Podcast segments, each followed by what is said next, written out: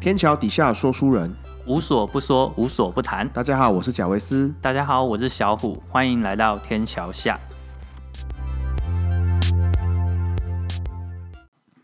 Hello，大家好，我是贾维斯。哎、大家好，我是小虎。哎，小瓦，最近全球的疫情好像越来越严重，嗯感觉大家的生活都有点苦不堪言，需要一些小确幸来滋润一下。那你你对小确幸有没有什么想法或看法？嗯，小确幸，我觉得好像也是真的哎，因为现在这样子的一个疫情影响，然后导致说呃很多各行各业其实都好像发展都不大乐观。对啊，所以就是小确幸真的又又突然好像又又涌了上来，然后刚好也因为这样子，那我们今天谈论的小确幸，我就想跟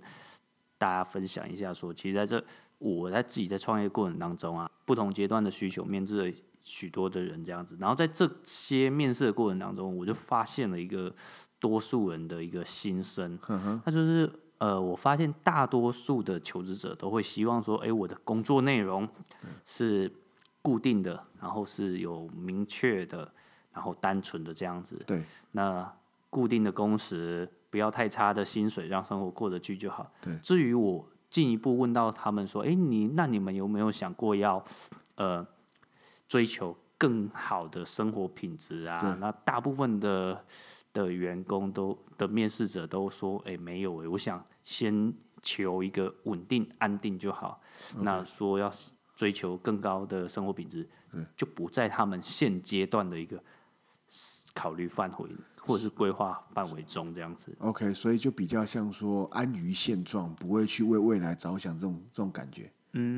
我觉得他们应该说是比较想要先先专注的去做好一个事情，就是说哦，我先求有。那至于什么时候要求好，就不大，就是他们现在没有想到那边啊。但其实我觉得我是蛮认同他们，就是说他们想要专注的做好当下的一件事情这样子。但同时也让我觉得比较可惜的就是他们会失去，比如说去。探究每一个我给他们的单一的任务背后之间的这个各个任务之间的关联。OK，我觉得如果说他们愿意就是花更多的一些心思啊，去探索说这么多元的工作任务中有没有什么关联，或者是说有没有什么可能去创造属于他们自己的一个。不要是小确幸，而是所谓的大幸福或者大梦想这样子。而且我也觉得说，哎、其实呃，大梦想啊，其实是有是有很多很多的小确幸组成的啦。但如果说你只停留在追求小确幸，然后没把把这些小确幸把它牵连起来，编织成一个大梦想，我觉得这样是有一点点可惜啦。那我们在制定一些目标的时候啊，我也觉得说，像我在设计工作内容或工作任务的时候，我会把它切割成比较小的执行阶段，对，让他们透过计划性的去逐一达成，然后也让我们说，我们整个餐厅在营运的时候，我们每一个阶段我们要去做什么样子的达成，对比较有一个阶段性的目标这样子。但是透过这样子的一个积累，我更希望他们能够多花一些心思去想想说，哎，我为什么要去这样子做？对，那在以后他们是不是有可能，或者说他们当他们想的时候，我是不是可以协助他们去做一个创业的动作？这样子。OK，哦，这么快就要占梦想了哈。我 我想说，梦想这一块，我们待会再来好好聊聊。嗯，好、啊。我想说，我们先来讨论一下彼此心目中的小确幸是什么样的呃定义好了。小确幸，那就我的了解啊，这个小确幸一词是其实是来自于村上春树笔下所产生出来的一个名词啊。然后他那时候，呃，他在书里面定义就是小确幸是必须是自跟自律这两个字相互依存，对，就是你必须要遵守一些个人规范，然后找到属于自己的小确幸这样。然后他在那个书中，他给我们的例子就是说，哦，他可能是就是急着尽性子来一个一场激烈的运动之后，然后再借由冰凉的啤酒来慰藉这种感觉啦。对，那这也是跟他讲的纪律是有关的啊，因为他像他是一个呃，就是每天都要写作的人，那然后他除了写作之外，他就是跑步，那他呃，可能长时间都是这样子的一个一个循环，嗯然后他就是维持他所谓自己所谓的纪律这样子。那也是因为他有这些纪律，我们才有机会看到他呃越来越多的一些不错的作品这样子。所以我觉得小确幸它的本意应该是含有一种先苦后甘，就是你必须很就是花一些心力去执行你所谓的纪律，对，然后才会。才会有所谓的一个小小的成就感，这样子。对，对啊。然后小确幸，可是我觉得小确幸呢，在台湾好像跟这种就是规律规范这种东西，好像大部分的人认想它。就觉得觉得它是没有一个关联性这样子，然后反而在台湾变成说小确幸跟大梦想之间是一个相反词。对，就是说，而我们是因为不敢奢求追求大梦想，所以我们就是追求那些简单容易到手的小确幸，我们就满足了。OK，对，这是我的认知啊。那不知道贾老，你觉得你的认知是怎么样？其实我认为小确幸是当你在做某一件事的当下，会让你感觉到幸福的话。那个就是你的小确幸，对比方说像星期五的晚上啊，我就会倒一杯红酒，然后开一包零嘴，然后悠闲的看一部自己想要看的电影。我觉得这就是我的小确幸。等等等等，你把你小孩子放在哪里？老婆同意吗？呃，他当然不同意啊。可是我一定是 没有这个事情，一定是等小朋友睡才有办法才有办法做的。嗯嗯。那可是我觉得之所以会产生小确幸，是因为压力。那我不是说小确幸本身会有压力，而是我觉得小确幸是一种压力的释放。以刚刚的例子来说啦，我喝酒、吃零嘴跟看电影这三件事情，如果摆在不一样的场景的话，你就不会觉得它是小确幸。怎么说？比如说，好，如果中午啊，今天中午你招待客户去餐厅用餐，然后在用餐的时候呢，就和客户喝了一些酒，那你会觉得这样是小确幸吗？我想应该是不会了，对，比较像是应酬了。对对对对对，他你不会说哦，我跟中午跟客户吃饭喝酒啊，这是我的小确幸，好像感觉好像不太会。对，又或者是呢，假设我们现在是学生了，我们现在在放寒暑假，不用上课呢，又又不知道能够做什么，所以呢，我就每天看两三部电影，然后连续看了一个礼拜，那你会觉得这样是小确幸吗？就杀时间而已。对，就杀时间，你也不会觉得，你你有些人会觉得，或或许会觉得说，嗯，这是可能是我的小确幸，但是不是？我觉得不是所有人都认同啊。对。那时候我就在思考，到底是什么事情或什么因素会造成同一件事情，但会有不一样的感受？我觉得很大的原因就是因为压力，因为有压力呢，所以当你在做一些你喜欢而且会让你放松的事情的时候，你就比较容易产生幸福感。嗯，没错，诶，其实我也蛮认同你说的，就是因为是一个释放压力的一一个管道，这样对对对，而获得的小确幸。哎，那对你来说，你什么是你的小确幸？嗯，我其实我的小确幸其实跟你一样，就像像我是自己是一个比较有纪律，然后有。规划性的会去安排我每一个礼拜我要去做的一些事情，这样。这我有深刻的体会。对，因为我会一直追着你跑。没错，没错。对，然后像我通常就是像这样子，我处理完一些事情之后，然后我就会希望说，哎，那我是不是能够获得一些压力的释放或放松？对。那有大大部分的时候，我会安排就是看一些恐怖电影啊，因为我觉得。就是，尤其是夏天，我觉得看恐怖电影是非常消暑的一件事情，是非常自虐的一件事情。没有，你会看着，你会看着，就是呃毛骨悚然的时候，会流冷汗的时候，我就觉得，哎呦这，然后搭配有风吹过来，就觉得好凉哦。是因为这样的关系。对，所以其实我释放压力的方式，其实也跟你差不多啊，就是希望有一些自己属于自己的空间跟时间，然后做自己想做的事情。真的，对，尤其是像我，像我现在我有两个小孩，所以我有很多时间都被小孩给占据。对，然后其实有为人父母的都知道，我们根本就没有自己的时间啊。所以如果有这么一个一个晚上啊，那小朋友非常早睡的话，那我就会去做看电影，就是买一些喝一杯酒，然后看个小电影这样。你完全没有办法想象那那种感觉，只有幸福了。虽然我没有小孩啊，但是我觉得我自己。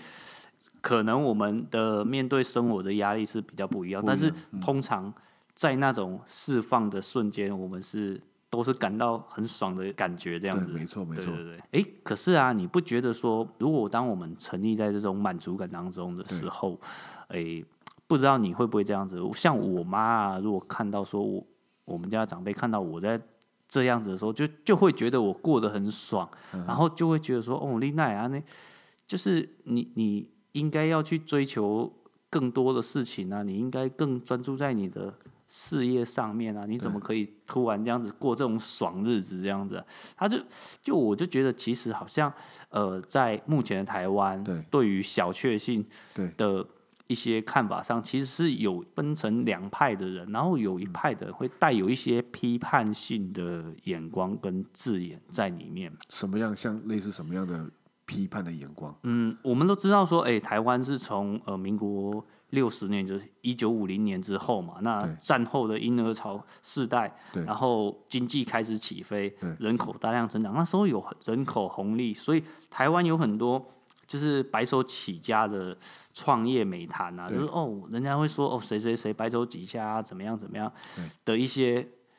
很多很多的一些故事故事，对。然后在那个时候，台湾，也因为经济起飞，所以股市啊，你随便买随便随便就涨。然后那时候人家就是有一句谚语，就是说什么“台湾钱淹卡吧”，对，就是说台湾钱钱多到都淹到脚踝以上了这样子啊。然后这样子的一个形容词，大概就是最能够形容当时的一个经济盛况的一个形容词。嗯嗯嗯。但是我觉得这些批判的呃字眼或眼光，比较不能够套用在现在这种我们所谓的八零年代、一九八零年代之后的一个社会里面，因为这时候自由的主义开始兴起嘛，然后随着自由主义兴起的时候，台湾其实面临了很多的冲击，就好像说哦，M 型化的社会结构越来越明显，对。就富者越富，穷者越穷嘛。然后在创业的过程当中呢，呃，因为财团的资源集中，变成说加盟，对，很变成是很多很多人在做创业的时候的第一个选项，或者说，哎、比较安全的一个选项。然后这个相反的，它也会挤压到说，哦，因为资源的集中，造成我们这些怎么独立品牌创立会变得越来越辛苦。对，然后文凭的贬值嘛，因为文凭取得越来越容易，然后变成说，哦，我可能以前是哦念到大学就很稀罕，现在是哦可能念到研究所，哎，人家也不会觉得说哦好像很了不起这样子。遍地都是大学生。对，没错。然后而且硕士生也开始增加。对，那另外就是像薪资水平倒退啊，生育率下降，然后人口老化这些的冲击，都是变成说现在年轻世代很难再像以前我们自己父母那个年代，就是做着白手起家的梦想。哦，说到这个，我觉得我们这一代七年级生真的是非常有感的，真的，因为我觉得我们什么样的苦难都有经过。你想想看，我们像我们学生时代有所谓的法禁，然后我遇到国中机测，也遇到教改，也遇到金融海啸、九二一，甚至是八八风灾。我记得我那时候还有，我八八风灾的时候正在当兵，我还要去高雄支援救灾一个月，我还有收到那个国防部的纪念勋章哦，拜托，哇传家之宝。但可是我觉得不止这些人天灾人祸，我觉得我们也站在一些浪潮上的尾端啊、举个最实际的例子啊，像我们是不是那时候我们念书的时候是念资科系嘛，资讯科学系。对，我觉得那时候男生念电脑相关的学系，不外乎就是两种主要的原因啊，一个就是爱打电动，第二个就是呃，当时就业的环境是科技业前景最好，然后薪水最高，奖金最高，股票发的最勤的时候，所以我们就一头栽入了这个领域啊，然后勤勤勉勉的完成了学业哦，准备要进入职场，感受一下什么叫做科技新贵的时候，哇，股票分红费用化，所以从此股票就走入了历史，只剩下了领奖金。对，你说这个世界上还有什么比幸福在你眼前就 就悄悄的溜走，这样更呃比这个更悲催的事情了吗？对啊，哎、我觉得其实 这真的是蛮令人傻眼的、啊。的但是虽然说我们啊，也就是属于一个就是经济崩坏的一个世代里面，我们要追求所谓的大幸福、大梦想，当然就不是很容易。但是我们想一想，我们好像也是比上一代的人拥有的更多的资源，像是他们呃，可能我们因为呃科技的发展，对，然后网络的开启，变如我们我们现在有一些科技资源，像直播啊，或者自媒体啊，是以前所没有的。那我们也是不是也有可能从这些呃新兴的我们的夹带的资源里面去发展多更多的不可能。虽然说每一个生活领域或者是说工作领域当中都有小确幸，但是相对这种很比较容易取得的奖励呢，就是好像就变成说我们是变是我们可以用透过这些比较容易取得的奖励来当做是生活的一种调剂啊。对对啊，但是我觉得好像也不用太用太过于批判或者比较严厉的一些呃声音来来来，就是面对这这个容易取得的奖励这样子，因为我觉得像我们这一代，呃，还是有很多人不会觉得不会被眼前的小确幸，呃，就被蒙蔽，然后又因此感到满足。其实我们很多像呃，就是有一些新兴的一些社会运动啊，什么太阳花啊，或者反服贸这些社会运动的崛起，其实也不用太担心说哦，年轻人对社会议题啊、国家议题，呃，是缺乏的，或者说，哎，你们未来国家要交到你们手上的时候，你们好像是对国家的未来是没有规划前景的。其实我觉得不用太担心，年轻人只会沉溺在这些追求小确幸的幸福当中啊。对，然后也其实世代的不同，也不用说哦，特别希望我们就必须像长辈那样子胸怀大志干大事这样子，对不对？真的我，觉得也是，我们会有我们自己在这样子的浪潮下发展出适合我们的方式跟生存的道路，这样子。对啦，这样讲也是没有错的。其实你这样讲，长辈对我们的印象，那种刻板印象，其实印象最深刻的就是我们的郭董哦他常常感叹我们年轻人不要只想着开咖啡厅，要胸怀大志，立足台湾，放眼国际。可是我 每次我听到他这一句话，我就想说，哎，这不刚好是在讲你吗？因为你刚好是开餐厅，然后又是又是喜欢又有在卖咖啡，那完全就是讲你啊。对对对，我就是他心中或者是他眼里那种，对就是，loser，小鲁小鲁这样子。但是其实我觉得，其实不用太这样子啊，因为其实像我们身边啊，除除了贾老之外，像我们身边的一些朋友，其实也大家也都在想着我们怎么样去突破这个困境。对，对所以其实我觉得，呃，当你有一些觉得说哦批判的一些想法在心里面萌芽的时候，我觉得你不妨可以改为就是用比较正向的方式来鼓励现在时下的年轻人，或鼓励自己。对，因为我们面临的现在的状况是哦，台湾现阶段真的是一个比较属于困苦，然后而且比较没有机会的一个环境下，不是像说上一代只要努力就一定有回报，我们现在不是嘛？但但也是我们也有很多我们的优势是上一代所没有的，对啊，所以我们其实不愿意不用去在意人家讲的哦，你你做这些事情，你怎么只做这些事情还是什么？对啊，因为我们也不是我们不愿意低就，或是我们不愿意踏实的工作，对啊，只不过是现在很我们可以更容易的在呃，我们寻求慰藉的方式就不再只是说哦，我我可能是要要呃，可能买一些实体的东西来满足自己，我们可以透过一些网络的世界来满足我们自己嘛，但这不代表我们在网络世界里面找到满足。不代表说我们就沉溺在这个网络世界，那也不代表说我们都没有在反省自己的未来，或者说我们是都没有忧虑这样子那。所以，其实他呃，如果你想要批判现在时下年轻人的时候，其实我觉得也倒不用这么的苛刻啦。对对，就是就我自己来看，其实现在的年轻人追求小确幸这件事情，其实还是有一些分歧在的啦。对啊，因为也是有人觉得说，哦，我就满足于小确幸，像我自己面试的呃求职者当中，也有也有的人就是想要。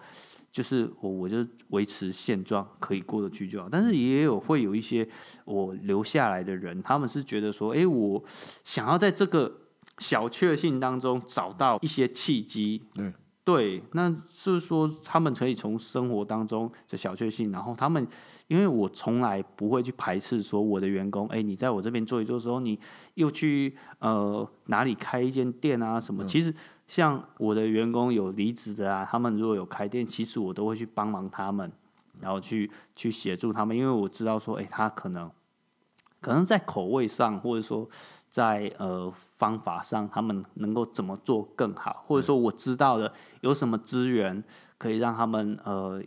降低他们的营运成本，其实这些我都还蛮愿意去分享的啦。这个你都没关系，这个我都没关系。这个在古代叫偷师哎，这个你没关系，你还会愿意教他们教他们一些营运的方法，或者是秘诀或步骤？对啊，因为你不觉得大家都这么辛苦了，如果能够多一些。一些分享，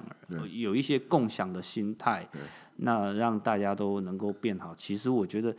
变相的不是我，不是说我多伟大在帮他们，而是我其实某种程度上也是在帮自己啊。那这个世界因为你的分享而更美好了。啊，对对对对，但我希望我们透过这个节目可以影响到更多的人，这样子。那我比较好奇的是，呃，你看待。像你自己在在公司里面这样子工作啊，那你对于小确幸这件事情的看待，在你的工作日或是日常生活当中，它是不是也是让人们得过且过就好？还是说，哎，其实，在你的呃生活环境当中，小确幸也有可能是一种契机，让你有一些不一样的发展或可能性？这样？嗯，其实我觉得我们这一代人追求小确幸，并不能。呃，归咎于说我们没有野心，因为我觉得也是因为我们对现实生活有一种无力感了。对，呃，很简单的道理啊。如果能够吃牛排，谁愿意餐餐吃地瓜，对不对？哎呦，不一定哦，我养生呢。养生。OK，那那你我说你例外，我说大部分的人应该是这样了。那如果能够有更好的作为，谁愿意开一间小小的咖啡厅？对不对？要开也是要开连锁咖啡厅嘛。嗯。那就以我自己来说好了，因为你问我我有没有野心，其实我觉得我有。嗯。因为像我，我们两个也聊过嘛，我也想要做副业，然后也想要找一个更大更好的舞台来燃烧自己的生命。对。但是实际去四处去摸索一下呢，会发现哦，现在这个时机点，感觉这个市场就是不够热了。而且说真的，现在也和以前不一样。以前只要你努力做、认真做，就能够做出一番成绩。嗯。但现在就算你很努力去做，你也没有把握能够得到你想要的结果。对。就拿买房子这件事来说好了，以前的夫妻呢，双薪家庭就算是做工哦，也可以买得起一间大房子。但是现在不一样，买房子是一件遥不可及的梦想。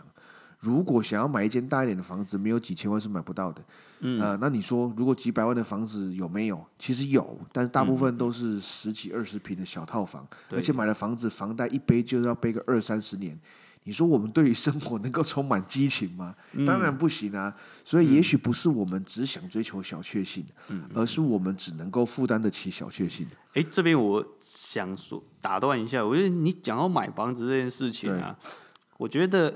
我自己真的妈的就是一个奇葩的人，你知道吗？怎么说？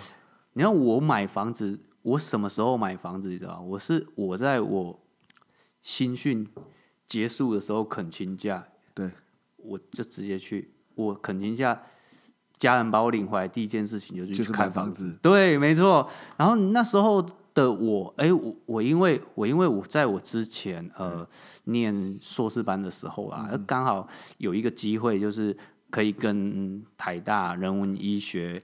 医医学系啊医学院，对，他们有一个人文医学的博物馆，啊，跟他们有一个产业的合作，对，那也因为那时候赚了一点点钱，然后有大概两百万这样，哎，没有啊，没有没有，就大概大概哎，这金额不好对不好说，就但是就是有一点点钱，然后有一些投期款这样，然后那时候其实我觉得啊，你。买房子这这件事情，就是真的是看你。我觉得如果你是单身吼，这真的是一个很好的可以可可以去对可以去做的。但如果说你今天有另外一半的话，我觉得这个真的对你来讲会有很大的压力啦，因为你可能你你背了这贷款，对你的生活品质、你的物欲，你就必须缩到一个不行。对，像我那时候，哎二。二兵进去多少钱啊？五千六百多，哎，大概五千多，五千多。然后那时候我，我那时候有宽限期嘛，我只要缴利息我不用缴本金，对，然后五千多，然后好好在是我我我买下来之后，我马上就就转租出去了啦，所以一个投资客，哎 没有台湾的我房地产都是被你炒没有没有，我我现我现在还是以它是。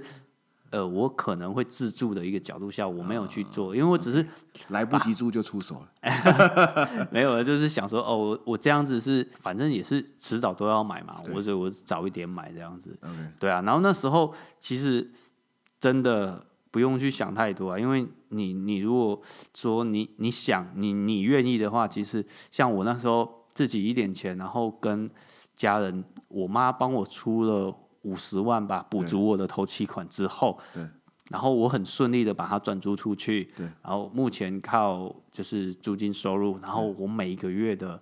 呃，我每一个月再挤一点钱出来去还他这样子，那这样夯不啷当也背了七八年啊，哦是哦，对啊，那贷款总共多长？诶，我贷款是贷二十年啦，哦，但是过一半呢，诶，还没啦，还没到一半，七七八年而已啊。快快了嘛。对对对，但但是我觉得很有感哦，因为我那时候我记得我呃贷款金额是一千多啊，对，不到一千五，对对，但是我现在就是只要我有闲钱，就是我有存下来有有够有钱这样，我就会还掉，我就会还掉。哎，我现在我那一天看到，因为你讲到房子这件事，我那一天看我那个好像已已经我已经还了一半多了，哎，但是我用不到一半的时间，但是但是说真的啊，是这七八年也真的就是很累，很累，因为你有时候哦，我们就是有认识新的朋友，想要出去吃饭还是什么，但是你就会啊，好啦好啦，我我基于风度我请客，但是之后我就就得对我自己勒紧裤腰带这样子。OK，对啊，所以我觉得虽然说买房很对很多人来讲遥不可及，但是我觉得生活上还是小确幸还是必须要存在的。对了，其实有钱人跟我们想的不一样，像我们退伍的 啊，不是那是什么恳亲假，是不是？嗯啊恳恳亲假我对们就只是看看女朋友啊，然后出去逛逛街、看看电影，然后有的人就跑去买房子，厉害 厉害。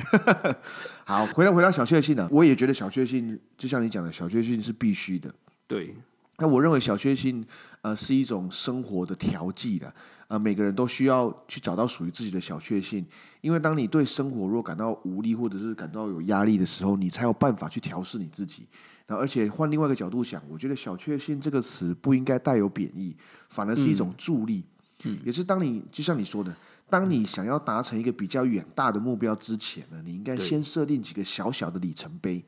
当你一步一步达到这个里程碑的时候呢，你就会充满成就感，然后呢，你就会想要继续再达到下一个阶段。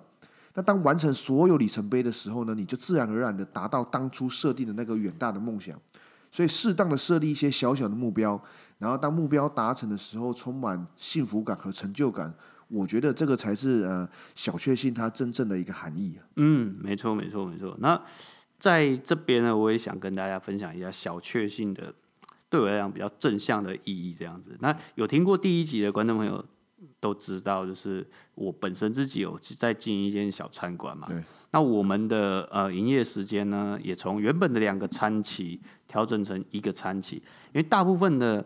餐厅都是做两头班呐、就可能我中午会有一个休息时间，虽然说是休息时间，但员工也是得被你绑在工作场所嘛。对那对于他们在求职的时候想说的，就是想要有固定的工作时间，然后不要这样子两头跑。那他们也想要有更多属于自己的时间，所以我就在思考说，诶，那我们把它调成一个餐期，一个餐期是说卖一个时段就对了。对，我们只做午餐。OK。那我们不做晚餐的话，那我们该怎么去做工作内容的调整？那我总不可能说哦，我一天就上班四个小时，那另外四个小时我就很佛心的跟你说啊，你回家休息，我再给你薪水。我当然也不是这样，因为这不是一个长久的营运之道啊。所以我们都在想，那我们好，我们午餐之后我们要做什么？对，一直打。我比较理想的状态就是，我让他们像一般上班族的上班时间这样对吧，但是我们是在做餐饮。OK，所以我就在想，我们就开始尝试很多不一样的方式啊。我们要卖下午茶啊什么，那或者说，诶，那我们就不要做午餐嘛，我们可以做早餐跟午餐，这样子时间也连贯，但是我两点就可以下班了。嗯嗯对啊。然后我们有很多很多的想法，然后我们就是开始，然后我就跟他们说，那我们就我带领着他们说，哎，我们其实不要把它当做是我自己的创业嘛，因为其实我很对你们，我也很愿意做一些让利的分享啊。那不如我们就是一个小的团队，对，然后我我们一起讨论说，我们怎么去。去改变我们现状，这样子，然后也更符合这个我们的文化价值，能够更符合你们所期待的。你们有自己更多的自己的时间，这样子。嗯所以我们就开始想发想说，哎，我们要去怎么去填满其他中午餐起之后的时间，这样子。对。然后我们那时候想说，哦，我们之前讲刚刚讲到，我们要做早餐。嗯。然后早餐要什么东西呢？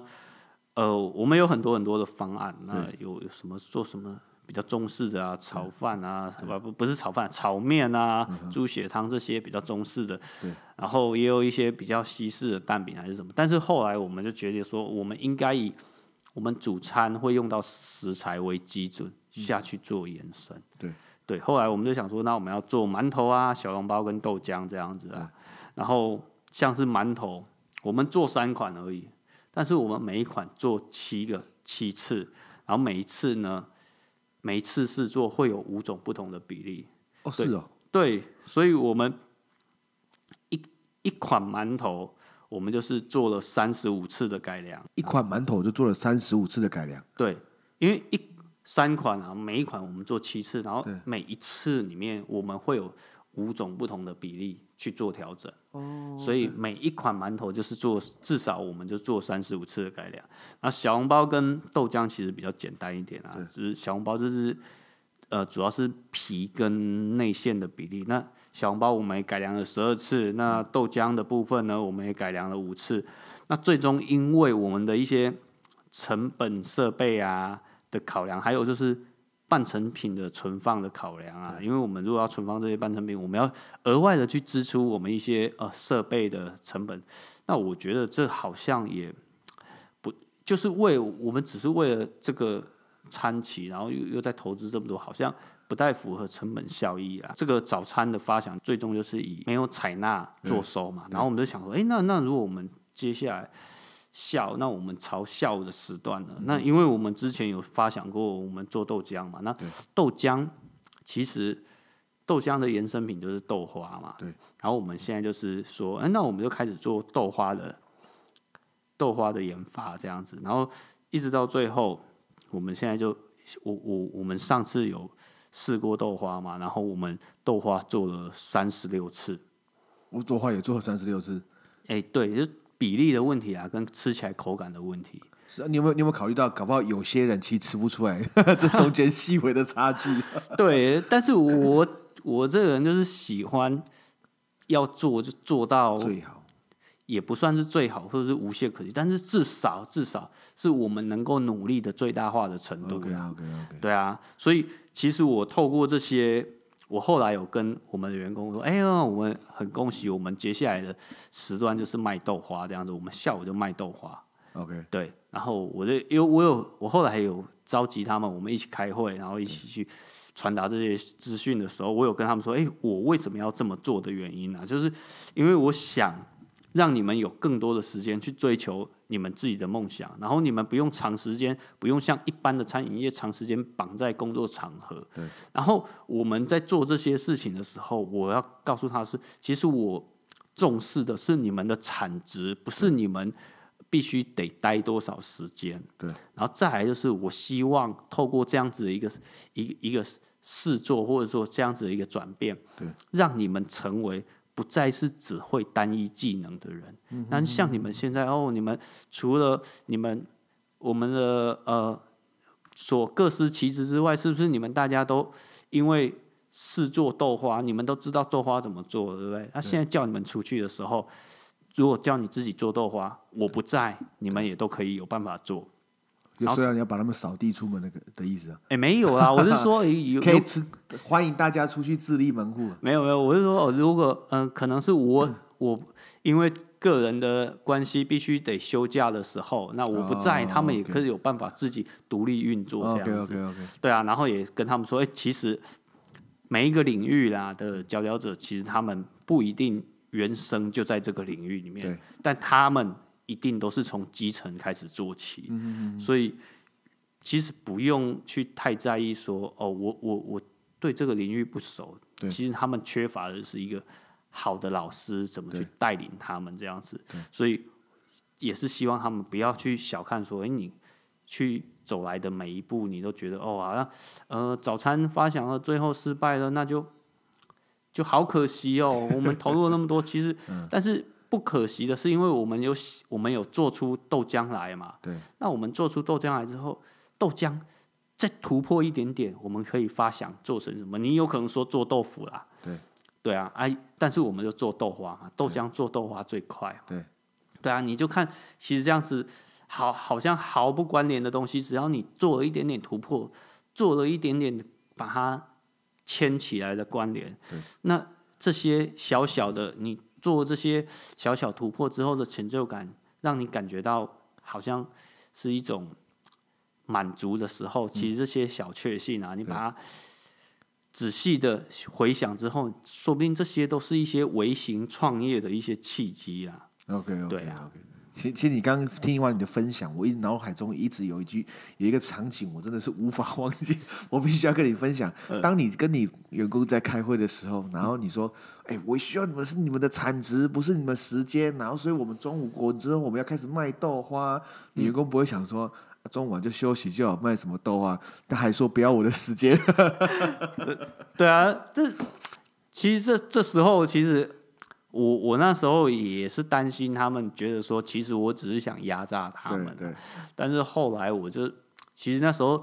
都是我觉得一个好的领导者真的是需要有一些话术去洗脑他们，怎么洗脑？怎么洗脑？来教教我们。这就就那时候我对我我那时候其实我很。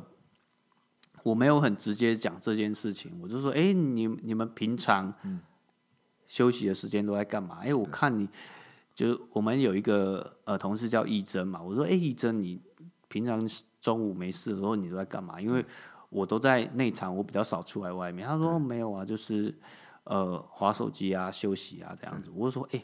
那我们提早下班好不好？”哦，他们听到提早下班，眼睛都亮了，好不好？然后我就说：“哎那不然这样子啊，我们。”我就跟内场的也讲，外场的也讲，我说我们其实你们在这边划手机也不舒服，不然我们提早下班。对。啊，他说啊好啊好啊，提早下班好啊，但是薪水不能少。我说对啊，薪水一定不会少，只是我们用其他的方式来来增加收入嘛，因为你要提早下班了，我必须有其他额外的收入，我才才能付你这样子的薪水啊。对。对啊，然后他们也听了，哎，他们一开始觉得是可以提早下班，对，然后就就就有有那种冲劲这样子啊，然后后来才跟他们说，其实我们可以做其他的东西，等于你们也不会闲着这样子，但他们已经上了贼船了，就就必须得跟着我走了。OK OK，所以原本原本餐厅搞不好只有营业两个小时，然后卖的豆花变八个小时这样。哎、对对对对对，没错。那其实这这虽然说哦，他们有一开始有一点感觉，有点上了贼船的感觉。其实其实我们这样子，我们做完最后的发想之后弄下来，他们其实真的也觉得，哎呦，这样子好像真的也不错哎。然后他们自己也有学到，也有学到一些新的东西啊。就除了说哦，你你外场的外场人员除了呃清洁、结账、点餐。这一类之外，他好像也学到了一些，哎，我我可以做一些不同的尝试的，对啊的的一个方向跟机会这样子。哦，真的是不得不说，你真的是一个，真的是一个很好的老板呢！哇，处处为员为员工着想。那你你你什么时候招募我们？其实我只是想，我我只是想啊，其实我私心是想要他们能够很稳定的在这里工作那提供更多的诱因，让他们能够稳定下来。那对他们能够稳定，其实对我来讲是是是最好的啦。那我总得除了照顾好他们的肚子之外，也总得也让他们照顾一下他们的脑筋吧，就是让他们知道说，哦，我就像马斯洛的需求层级嘛，我最原始的什么生理需求、心理需求满足了之后，我当然会想说追求更高的自我实现。对的对的，对啊也是那也是，透过满足他们的小确幸之后，对，看能不能带领着他们去追求更大的一些梦想或者更大的幸福。对，所以大梦想是由一个一个的小确幸所堆积而成的。哎，对，没错，没错，没错。OK，好，那今天就是我们的节目，到尾声的时候啊，啦，没错，没错。那我们下周见。好，好拜大家拜拜